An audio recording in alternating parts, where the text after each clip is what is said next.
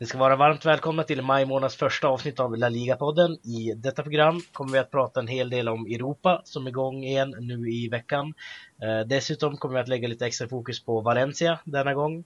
Eh, Daniel Jakobsson heter jag och med mig har jag ingen mindre än Sam Saidi. Kul att du ville vara med denna vecka Sam. Ja, det var lite otippat va? Väldigt. ja, nej, jag är här som vanligt och eh, det känns bra. Det ska bli roligt med La Liga-podden efter en valborgshelg, kan man säga det? det ja, valborgsvecka i alla fall. Vecka, i alla fall ja. Ja. ja. Det är skönt att vara tillbaka. Ja, härligt. Eh, med oss den här veckan har vi även Kasper Nordqvist som gör sitt tredje framträdande i podden tror jag. Ehm, hur är läget med dig Kasper? Jo, det är bara bra. Kom ju precis hem från det kokande derbyt på Friends. Eh, men så nu är jag inne i... Så nu är jag het på gröten här, så det ska nog bli bra detta. Ja, precis. Blev det rätt resultat för dig då? Ja, jag är ju djurgårdare, så jag hade ju hoppats på kryss, för det hade inneburit att Djurgården hade varit bäst i stan. Men, äh, vad fan, det är väl bra att Bayern kommer ner på jorden, kan jag tycka. Okej, okay, härligt. Eh, förutom att Kasper håller på Djurgården håller han alltså på Valencia som vi kommer prata lite grann eh, om i programmet lite senare. Ska jag säga. Eh, men innan vi kommer dit så var min tanke att vi ska prata om Elche faktiskt. Som också har lite Valencia-knytningar får man ju säga. Det är ett lag som vi inte har behandlat särskilt mycket i den här podden. Mest för att vi har ju faktiskt ingen jättebra expertis om denna klubb. Men efter att de har besegrat Malaga nu på bortaplan i helgen så är Elche klara för en ny säsong i La Liga. Eh, östkustlaget har vunnit fyra av sina fem senaste matcher och varit oerhört starka nu på slutet. Till skillnad då från vissa andra bottenlag som vi inte ska nämna. Eh, hur ser du på Elches säsong Sam? Eh, jag ser den lite som upp och ner. Det var ett tag där jag trodde de inte skulle lyckas hålla sig kvar. Sen så helt plötsligt så spelar de upp sig. Och, men ändå håller någon slags stabilitet som de andra lagen ändå, alltså de andra bottenlagen, om jag ändå får säga att jag hade förväntat dem i botten. Eh, som, att de saknar den stabiliteten som Elche har.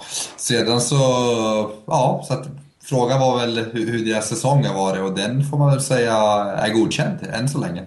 Ja, precis. Fyra av fem som sagt nu. Det är ju väldigt starkt att de kommer här nu i slutet och verkligen säkra sitt kontrakt här nu. Eh, Precis, så helt klart godkänd. Helt klart godkänd. Inte ja. att den är än så länge, den är godkänd. Kan den är ju godkänd ändå liksom. Ja. Eh, vad, vad, tycker du Kasper? Hur ser du på Elches säsong? Uh, nej men som Sam själv säger så är den absolut godkänd. Uh, man kan inte begära så mycket mer. Och, uh, jag, jag gillar ju Elche. Det är ett lag med, med en stor fanskara och en väldigt fin arena. och det, det växer inte på träd i Spanien. Det är många lag som inte har den fanskaran som Elche har. Så det skulle vara väldigt roligt om de lyckas hålla sig kvar i La Liga. Ja, precis. Jag minns själv när jag bodde i Malaga när Elche kom på besök i, på Lördag Eh, då kom man ju med, det var i fjol då, när man kom med väldigt många, jag tror det var 2000 någonting, vilket är ganska mycket i Spanien för bortasupportrar. Eh, och eh, väsnades och livade om liksom. Och det var jättekul att se att faktiskt eh, de hade med sig sina fans även på bortaplan. Eh, man har åttonde högsta publiksiffran i La Liga, vilket är imponerande bara det med tanke på att det inte är någon jättestor klubb vi har att göra med. Eh, vad har du för åsikter här om Elche Sam? Ja, nej, men det är en charmig klubb helt, helt klart. Om inte annat en väldigt vacker stad som jag har tågat förbi en gång i tiden. Eh, så att eh, Elche, ja vad ska man säga, härligt publikstöd. Eh, väldigt charmig klubb på många sätt. Många intressanta spelare om inte annat. Den här säsongen tänker jag framförallt på striken där, Jonatas, som jag tycker har gjort det otroligt bra med tanke på att han ändå spelar i en klubb som förväntas vara i det, bot, i det nedre skiktet och ändå lyckas stänka dit 12 baljor, det, det kan man inte riktigt eh, snacka bort. Nej precis, direkt från Serie B till La Liga och göra så här bra, det var väl precis. ganska oväntat ändå. Absolut, och det säger väl ganska mycket att det är en ganska välskjuten alltså, klubb. Alltså den sköts väl. Eh, duktiga scouter som liksom kan snappa upp sådana som Jonatas. Precis, men vad, vad har du för liksom åsikt om Elche om vi säger rent som klubb i La Liga? Är det en klubb som du tycker hör hemma i La Liga Sam? Eller är det någon klubb som du lika gärna kan klara dig utan?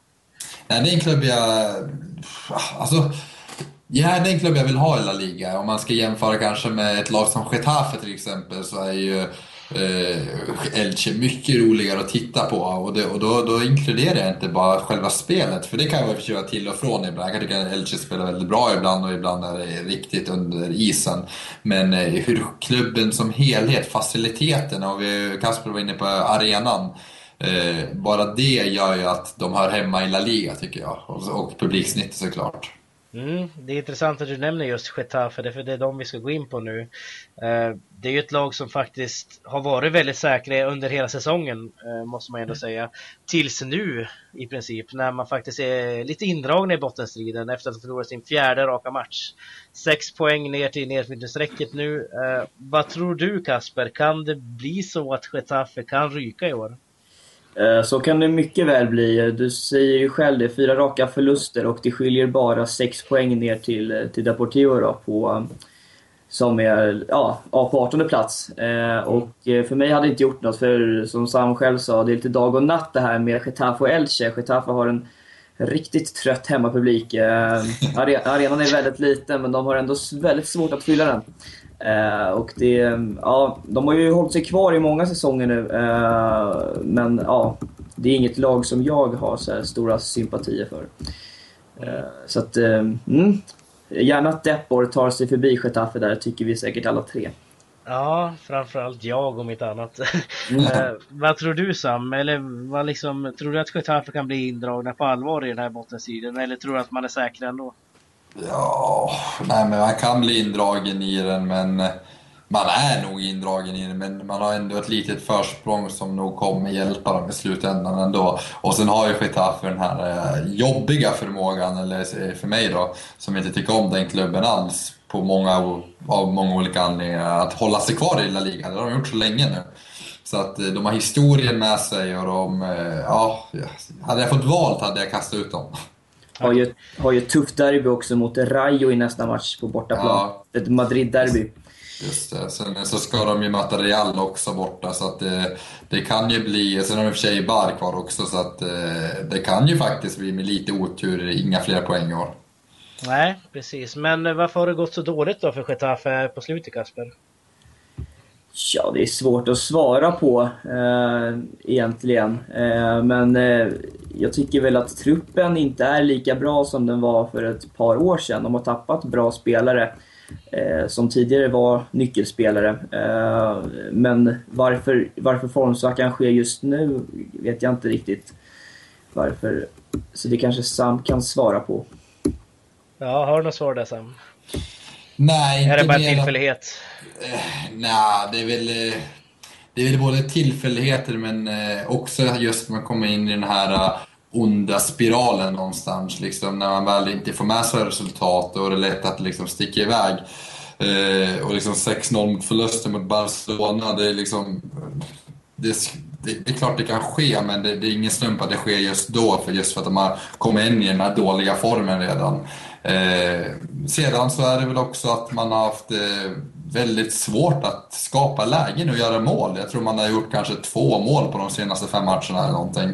Mm. Så att det är som att kreativiteten har försvunnit. Så att, eh, jag vet inte, och försvaret läcker, men eh, just den här eh, fantasin framåt har, av någon märklig anledning. Nu vet jag inte om det beror på skador, för det har jag faktiskt inte koll på, men någonting har hänt med fantasin framåt. Ja, precis. Man har ju Alvaro Vasquez, anfallaren borta. Vad tänkte du säga? Ja. Nej, jag tänkte bara säga det att jag som Valencia-supporter, jag lider ju lite med Vicente Guaita ändå.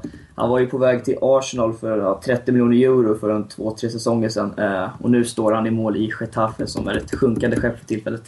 Eh, ja, han var ju minst lika bra som Diego Alves för någon säsong sedan, men nu, nu har han det jobbigt. Ja, man följer alltså hemma dessutom nu i helgen mot Granada av alla lag med 1-2. Mm.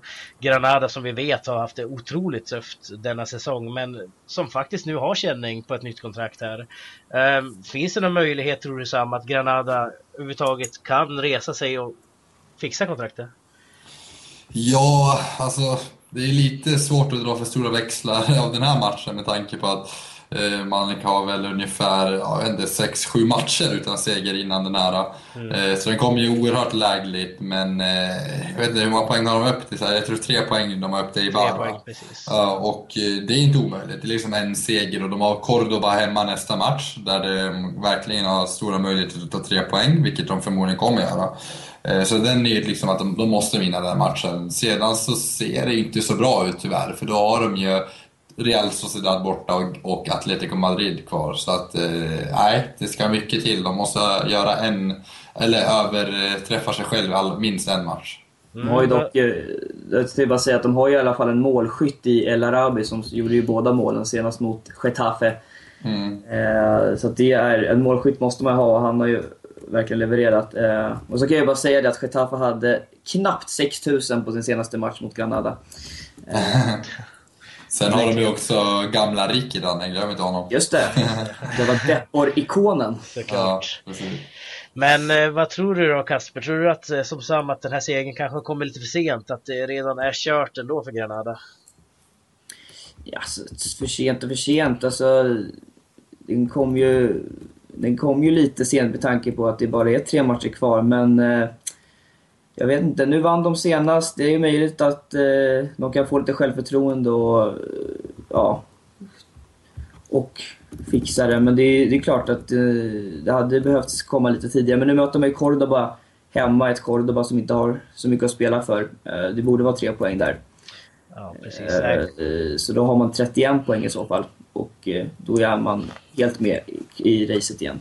Ja, viktigt att nämna här också att det har vi inte tagit upp än att Cordoba nu faktiskt eh, matematiskt har lämnat La Liga mm. efter bara en säsong. Ja. Um, så att vi tackar för Cordoba och um, vi tackar faktiskt för del 1 också som tar slut här. När vi är tillbaka snackar vi Valencia. Ja.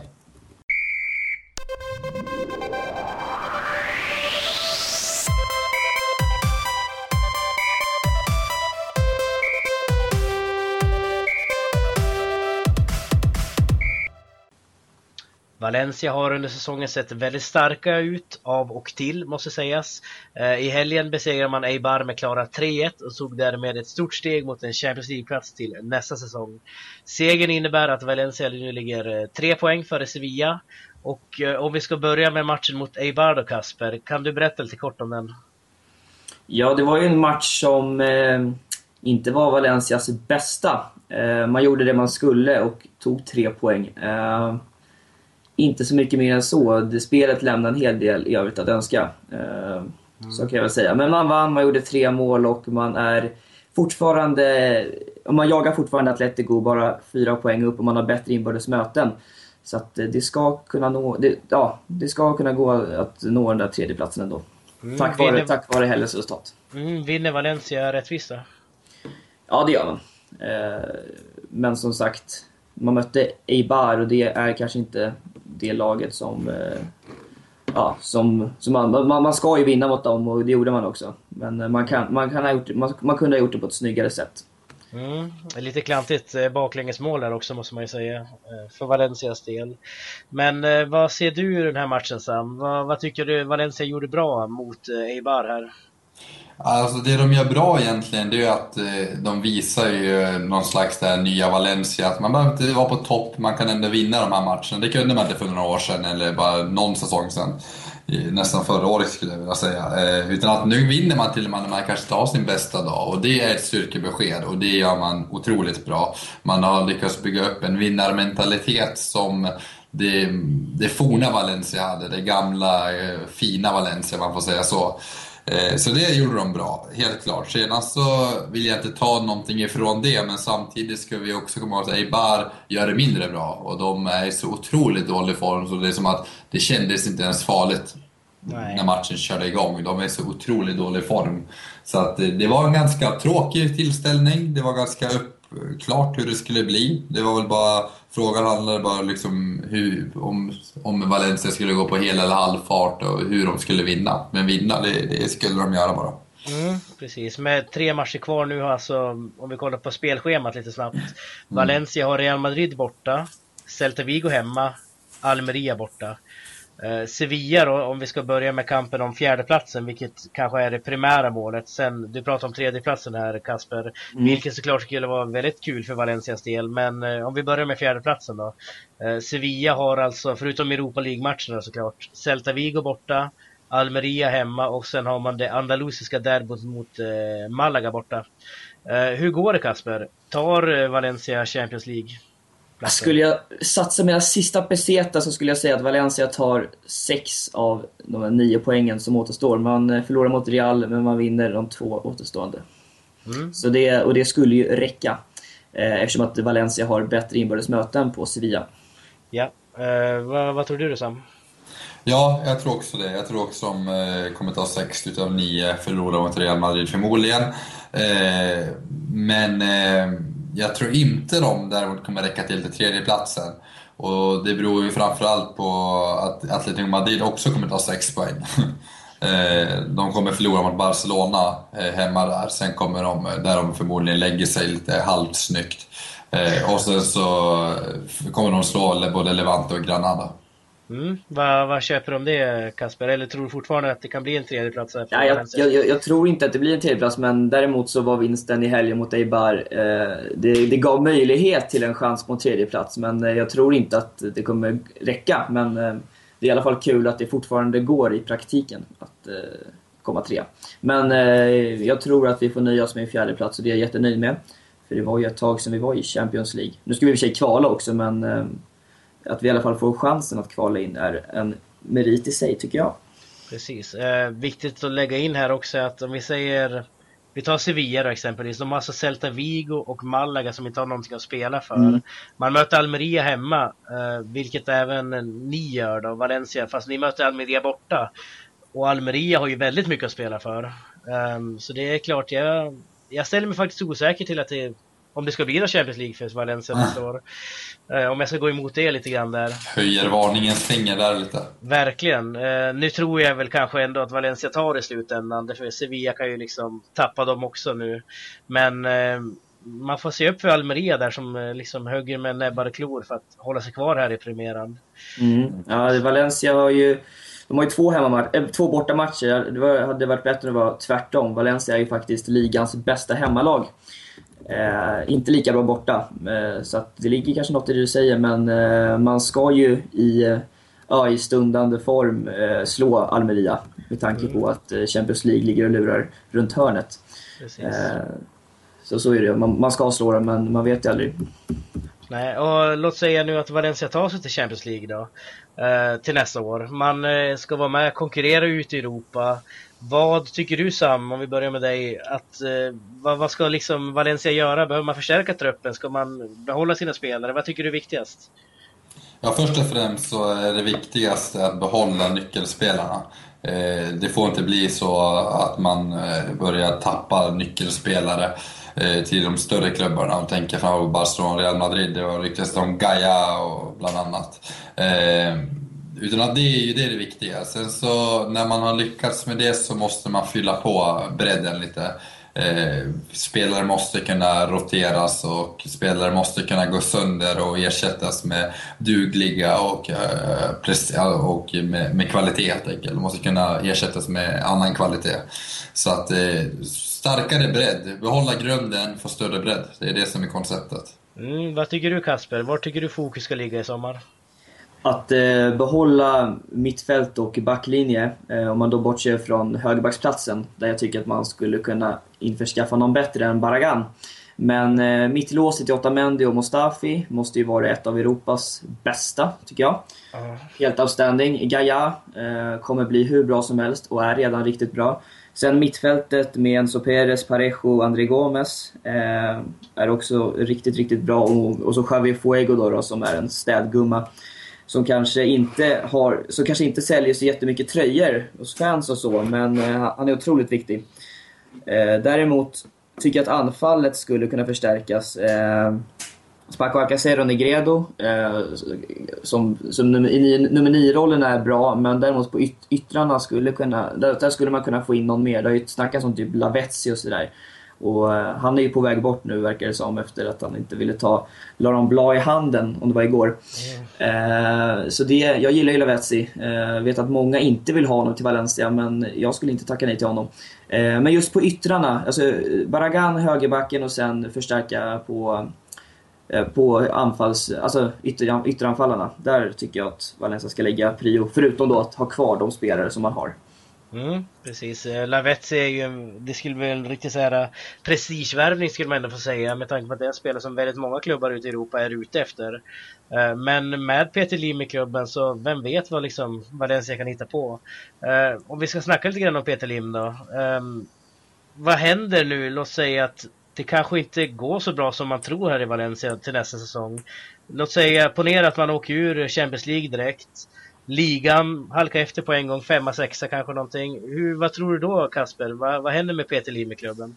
Som jag förstår det så har han Alltså, han verkar ju liksom vilja satsa på det här långsiktigt. Eh, inte på samma korta sätt som kanske vi sett andra klubbar i, i Racing Santander eller mm. andra kalkonprojekt. Utan det här verkar ju vara seriöst. Så att eh, det tror inte jag kommer spela jättestor roll om det nu skulle, om det nu skulle floppa nästa år. Mm. Det tror jag inte, men eh, ja. Nej, vad, vad, tror du då Sam? Vad, vad händer med Valencia om det inte blir några titlar eller framgång de senaste ja, ett, två åren?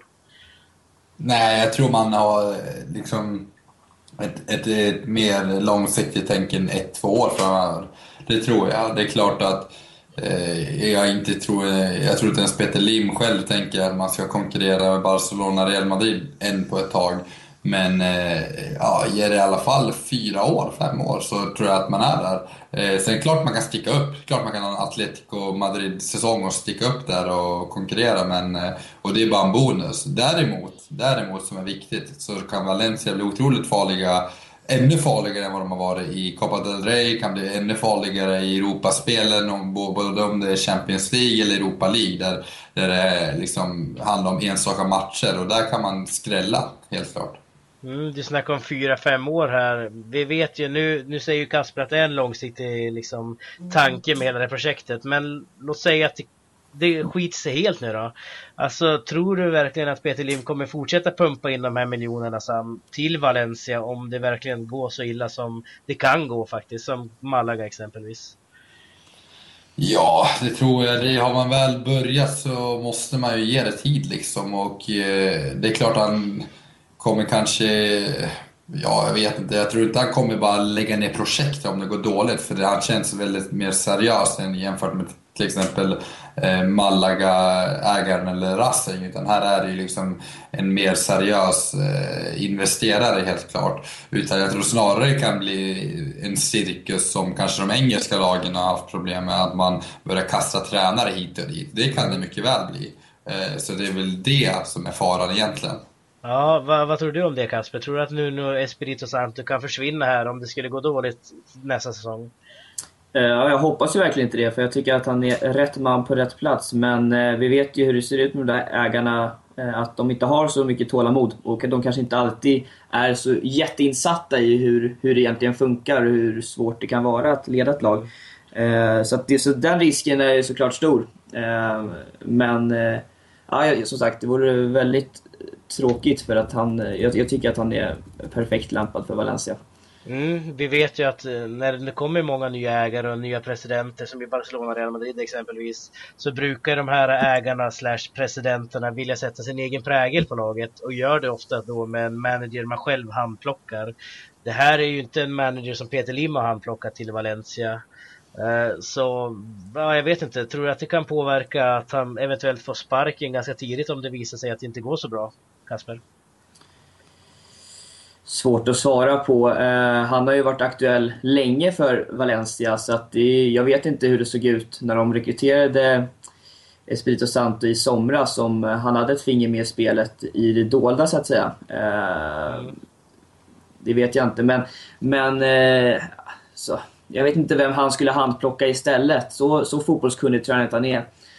Eh, Om man ska vara ärlig. Nej, jag, jag vet faktiskt inte. Det, det, det, det, vet nog han, bara han själv egentligen. Om, mm. om han... Ja, vi kan ju bara spekulera här. Ja, men... Eh, ja, ja, precis. Det blir liksom väldigt mycket spekulation. Eh, Men vad, vad, vad, tror du då Sam? Tror du att Espirito Santo kan sitta lös bara på grund av att det kanske inte är en manager som Peter Lim har plockat in? Nu vet vi inte det exakt, men eh, kan det vara så? Eh, ja, det, han kommer inte ryka bara därför, men om det börjar vackla lite så kan ju det bli den liksom, faktorn som väger över till slut i, ja, till, till Peter Lims nackdel, eller till vad säger jag, Nuno Espiritos nackdel. Mm. Det tror jag. Okej, okay. eh, vi ska faktiskt sätta stopp för eh, del två här och när vi är tillbaka ska vi snacka Champions League och Europa League.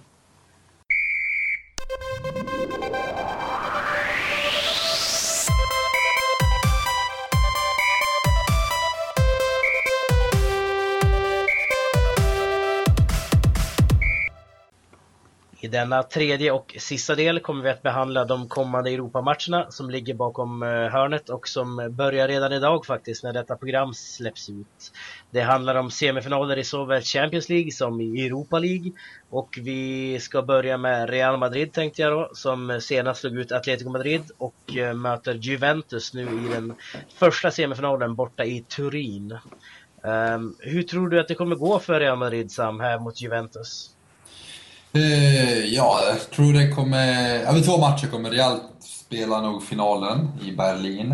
Uh, däremot så vill jag ändå höja varningens finger just för det här favoritskapet man har, eller gå in med, kan också bli till nackdel. Och jag tror mycket kommer avgöras i, imorgon faktiskt, i Turin. Uh, och första matchen, hur mycket Juventus får med sig där kommer bli avgörande.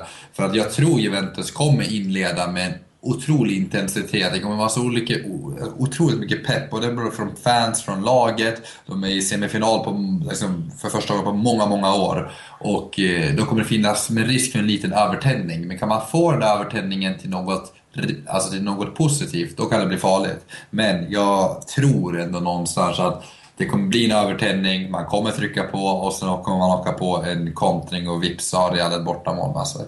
Mm, precis, det var ju lite grann så Real Madrid försökte på Vicente Calderon också.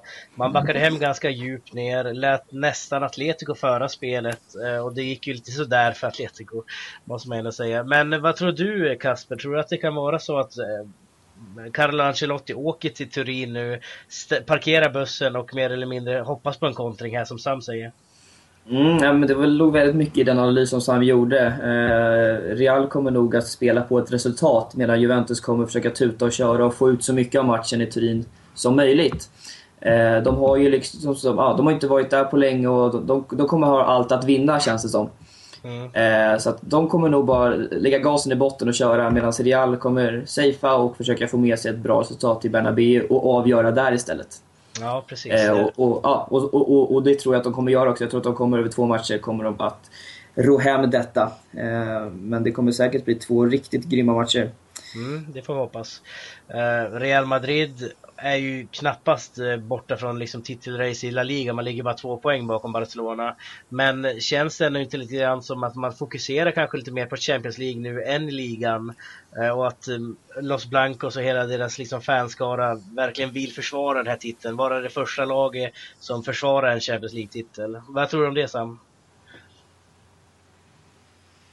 Eh, Ursäkta, mitt ljud börjar hacka, börjar hacka lite här nu. Okej, okay, men då ställer jag samma fråga till dig då Kasper. Hur, hur viktigt tror du det är för Real Madrid att försvara den här titeln? Ja, det skulle ju säkert vara en, eh, en bonus tror jag, men att försvara titeln, det jag vet inte, vet inte om, om de förväntar sig det. Eh, det är väl inte så många lag som gjort det tidigare. Men, eh, men ja, det är svårt alltså. Ligan samtidigt. Jag tror inte att något, något Real Madrid-fans vill se Barcelona vinna. Mm. Så man, jag, jag, tror man kommer försöka spela på två fronter, så får man se hur det går. Men såklart, hade de kunnat vinna Champions League i år igen så vore det en stor, stor sensation, för det är inte ofta man gör det. Eh, men eh, på svar på fråga så är jag tveksam till om de väljer att alltså, ge upp ligan för att satsa allt på Champions League. Det vet jag inte om de kommer göra. Nej, om de skulle få välja ena eller andra då? Vad tror du att man hellre vinner? Är du tillbaka nu Sam? Ja, jag är tillbaka. ja, vad, vad, tror du? Skulle man hellre vilja vinna ligan eller försvara sin titel i Champions League tror du? Eh, det är svårt. Det, det beror på hur man ser på det. Det var så länge sedan de vann ligan nu. Eh, så att det borde kännas liksom viktigare att vinna den. Å andra sidan så kan de ju bli historiska genom att ta hem den här eh, Champions League för första gången. Eh, eller bli första laget som tar hem det två gånger i rad. Och jag tror så här lite att att det som kan rädda den här Real Madrid-eran, vi var inne på det här lite med Meran för, förra veckan, eller om det var för förra, eh, att det kommer vara intressant att summera den här Perez-eran från 2009 och framåt, låt oss säga om två, tre år eller ännu längre fram. Eh, och, och, när man ser hur lite ligatitlar de har, så kan den här eh, dubbla Champions League eh, vinsten kompensera upp det. För att de kommer inte gå till historien som ett av de bästa lagen eh, när det kommer till ligaspel eller överlag. Men här har de ju chansen att faktiskt gå till historien och någonting sätta, liksom, eh, liksom sätta sig själv på kartan eller i historieböckerna. Och det tror jag skulle betyda, betyda väldigt mycket för hela det här projektet. Mm. Härligt. Um, I den andra semifinalen så ser vi Barcelona mot Bayern München där Pep Guardiola återvänder nu på onsdag till Katalonien. Uh, det är väl en ganska speciell känsla, måste man ändå säga Sam? Ja, det är speciellt på många olika plan. Det kommer kännas konstigt. mm, känslomässigt? Ja, jag är en big fan av Pep Guardiola. Jag älskar ju nästan honom, höll jag på att säga. Eller jag är det på många sätt. Så att, eh, men jag hoppas verkligen han eh, får lämna Camp Nou som en förlorare. Mm, vad, hur tror du det kommer gå här nu Kasper, när Bayern München besöker Camp Nou på onsdag? Ja, det är väl kanske den eh, moraliska finalen om man säger så. Det är väl de två lagen som jag hade velat sett i en final. Eh, nu blir det en semi istället och det kan ju gå hur som helst. Eh, två lag som spelar nästan likadant. Eh, så att, ja.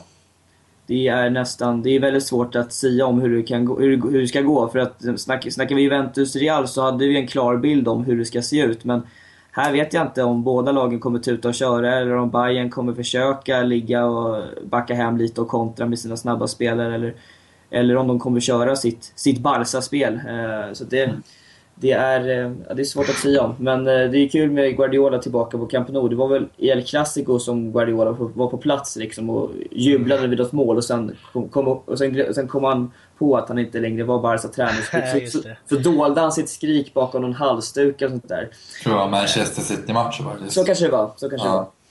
Men det var så jävligt kul att se att han fortfarande känner så mycket för, för Barca. Mm. Så det, det blir nog väldigt men, speciellt. Vad, vad, tror du Sam? Kan eh, Guardiola här nu läsa ut Luis Enriques Barcelona bara för att det är liksom hans Barcelona någonstans som eh, han har lagt ryggraden på, kan ska säga. Eh, eller ett helt nytt Barca som eh, Pep Guardiola ställs mot? Nej, men det, jag tycker Kasper är inne på något intressant. Det, det ska bli otroligt. Vi, vi har en klar bild om hur Real Juventus ska bli, men vi, vi är fortfarande väldigt osäkra på hur kommer det se ut när det kommer till possession-spelet. Vilka som kommer hålla i bollen egentligen, vilka som kommer... Liksom, här har vi två lag som vill ha mycket boll, som vill, liksom, eh, vill inte jobba utan boll. Och det blir lite som att eh, Bayern får möta storebror lite på ett sätt när det kommer till den här ideologiska kampen. Att här är det Pep Guardiola som har infört en spelideologi som sitter mer i strukturerna i Barcelona. Och eh, frågan är om eh, ett Pep, eller Pep kan vinna över en, en, en, en hel filosofi, en hel ideologi som har funnits med ända sedan början av 90-talet i en klubb. Mm. Eh, och det tycker jag kommer bli väldigt intressant. Hur för lyckas han göra det, då är det bara att lyfta på hatten tycker jag. Men jag tror oavsett hur, hur vi brukar prata om att vi har ett nytt Barcelona som släpper lite boll med vilje och liksom har kontrat sönder många motståndare. Men vi vet också fortfarande att den här grundidén, den finns där ofta. Fortfarande. Mm. Ja, det ska bli härligt att se matchen på onsdag måste man ändå säga. Det var väl, ska... det var väl två år sedan som de möttes med när, när Heynckes var tränare för Bayern och Bayern mm. fullständigt sprang sönder Barca och vann med 7-1 totalt. Och sådär. Visst, var det, visst var det för två år sedan? Ja, 2013, ja just det. Ja, så det ska bli kul att se liksom om... Eh, ja, om, eh, ja, hur, hur det funkar nu med Peps, med Peps sätt att spela mot Barcelona. Ja, verkligen. Det är många frågor som ska besvaras här ja, kommande veckan. Där, där har vi mycket frågetecken i alla fall, så det ska bli kul. Mm. Uh, ska vi se om det är några frågetecken på Europa League-semifinalen då, där regerande mästare Sevilla är kvar i turneringen. Uh, en seger i Europa League ger ju numera en plats i Champions League till säsongen därpå och eh, man möter Fiorentina på torsdag hemma i Andalusien. Eh, borta i Italien veckan därpå. Eh, om vi börjar med lottningen av Fiorentina då Kasper, ser du det som en bra lottning för Sevilla eller var det en väldigt tuff lottning? Det är en tuff lottning. Eh, Fiorentina har en väldigt bra trupp. Kanske ja, topp tre, alltså de, bäst bredd i Italien. De har otroligt många spelare att, att, eh, att, att variera mellan, vilket gör att de kan spela, alltså de kan eh, lira både i Europa och i ligan på grund av sin bredd. Mm. Så att jag skulle säga att det var en liten nitlott att få Fiorentina. Och man vet ju att det är en spelare som vill slå ut Sevilla och det är Joaquin. Ja, just det. Eh, vad tror du då Sam? Eh, är det en bra lottning för Sevilla eller hade du hellre föredragit eh, eh kanske Napoli, Dnipro? Mm, ja, Nipro, jag vet, jag har inte så bra koll på Nipro faktiskt. Men eh, Eh, nej, jag, jag, tycker att det kvittar lite. Klart att det, Fiorentina är ett bra lag, men jag håller fortfarande Sevilla som favoriter och som är i grund och botten betraktat, tror jag. För nu ska jag vara lite ödmjuk och säga att jag har dålig koll på italiensk fotboll. Jag är inte förtjust i italiensk fotboll eh, för fem öre. Och I och för sig blev jag väldigt eh, överraskad av ett lag som Torino som såg ut Athletic Bilbao, att de spelade så pass bra som de gjorde. Så att, Kanske att Fiorentina också eh, eh, ja, överraskar mig, men jag tror Sevilla fixar det där och tar den där, eh, förhoppningsvis tar den där eh, Europa League-titeln så att vi får eh, fem lag i CL från Spanien. Men jag tror att Rafa Benitez och Napoli fixar det. Okej, men eh, om vi börjar med matchen på torsdag, hur går det där Sam? Eh, ja, vilka är det som är hemma nu? Det är, det är Fiorentina. Det är Fiorentina, ja men det är Ja. Nej, nej, förlåt. Eh, Sevilla. Är Sevilla, ja. Just, ja. Eh, jo, men det blir en stabil 2-0-seger. Det blir det. Mm, Carlos Bacca båda, eller? Ja, jag måste säga jag älskar Bacca. Vad tror du då, Kasper? Ja, sett över två möten så skulle jag, jag skulle nog säga att Fiorentina är knapp favorit. Eh, men eh, i Sevilla tror jag att, det kan, att Sevilla kan vinna, men jag tror att Fiorentina vinner i Florens. Uh, så jag, jag, skulle säga att Fiorentina är knapp favorit. Så jag hade hellre, jag hade hellre sett Sevilla få möta Napoli eller Dnipro. Mm. Uh, ja, Fiorentina har ett, eh, de har ett riktigt bra lag. Ja, väldigt viktig första match på Sanchez Pizjuan med andra ord. Att man framförallt håller tätt, kan man ju säga. Mm. Men vi har faktiskt nått änden av detta program. Men innan vi avslutar så Sam, en veckolista som man ska presentera. Ja, eh, ja, vi har ju varit inne på det lite, ja, lite i första delen och det gäller ju framförallt Elche och deras Jonatas där fram som har lyckats stänka in 12 baljer. Jag tror han gjorde ett av målen i vinsten mot Malaga nu i derbyt. Eh, eller kan man kalla det derby? Ja, mot Malaga? Eh, ja. Eh, ja, det skulle jag inte vilja säga. Nej, kanske inget derby. De ligger ganska nära tyckte jag. Nej, inget derby. Men han gjorde i alla fall mål och eh, han har gjort 12 mål i ett lag som Elche och det förtjänar att hyllas och få veckans Trocero. Mm, eh, ska säga det att det skiljer väl ungefär 35 mil kanske mellan de här två lagen. Elche, Elche Valencia-regionen och ja, regionen. Eh, ja, precis. Och Malaga ligger då längs kusten. Yes, Sydkusten. Eh. Men eh, veckans favör då? Eh, veckans Faber går till eh, ja, vår ständiga hackegris, får jag väl säga. Eh, och det är ju såklart Getafe, och med all rätt. en väldigt tråkig klubb. Vi får ju hoppas vi får in någon Getafe-expertis som får säga emot oss. Eh, som dessutom har en väldigt taskig form just nu och eh, det var inget undantag i helgen. Man förlorade hemma mot Granada, vilket är alldeles för dåligt. 6-0 innan det var Barcelona. Eh, så att det går dåligt nu helt enkelt och det förtjänar veckans favör. Mm. Köper du listan Kasper? Absolut, framförallt i Getafe. Eh, har, man, har man under 6000 på en eh, match i, La Liga så kanske man ska kanske man inte ska höra hemma där. Det finns, finns roligare lag i Segundan som skulle, skulle kunna fylla deras plats och göra det bättre och roligare. Ja, precis. Och sen, det... Eh, och sen om Jonatas så är det bra att stänka in 12 baljer för ett lag som Elche. Så all cred till honom och eh, Sams val där. Mm. precis. Det är ju lite tragiskt när man tänker på det att GIF Sundsvall på Norrporten Arena och högre publik sitter och Getafe nästan. Mm. Eh, Men eh, ja, härligt. Vi ska runda av här och tack så Sund, mycket. då har ju Sundsvall dock mött ett lag som Djurgården. Det låter alltid lite extra. Just det, just det. Ja, ni förstörde ju Max i Hudiksvall där hörde jag på vägen hem. Jaså? Ja, men eh, vi ska avrunda här. Tack så jättemycket för att du ville vara med den här veckan Kasper. Sjukt kul, sjukt kul som vanligt. Ja, tack till dig också Sam. Vi syns nästa vecka och vi andra, då är vi tillbaka med ett nytt program och en ny gäst. Tack för oss, hej då!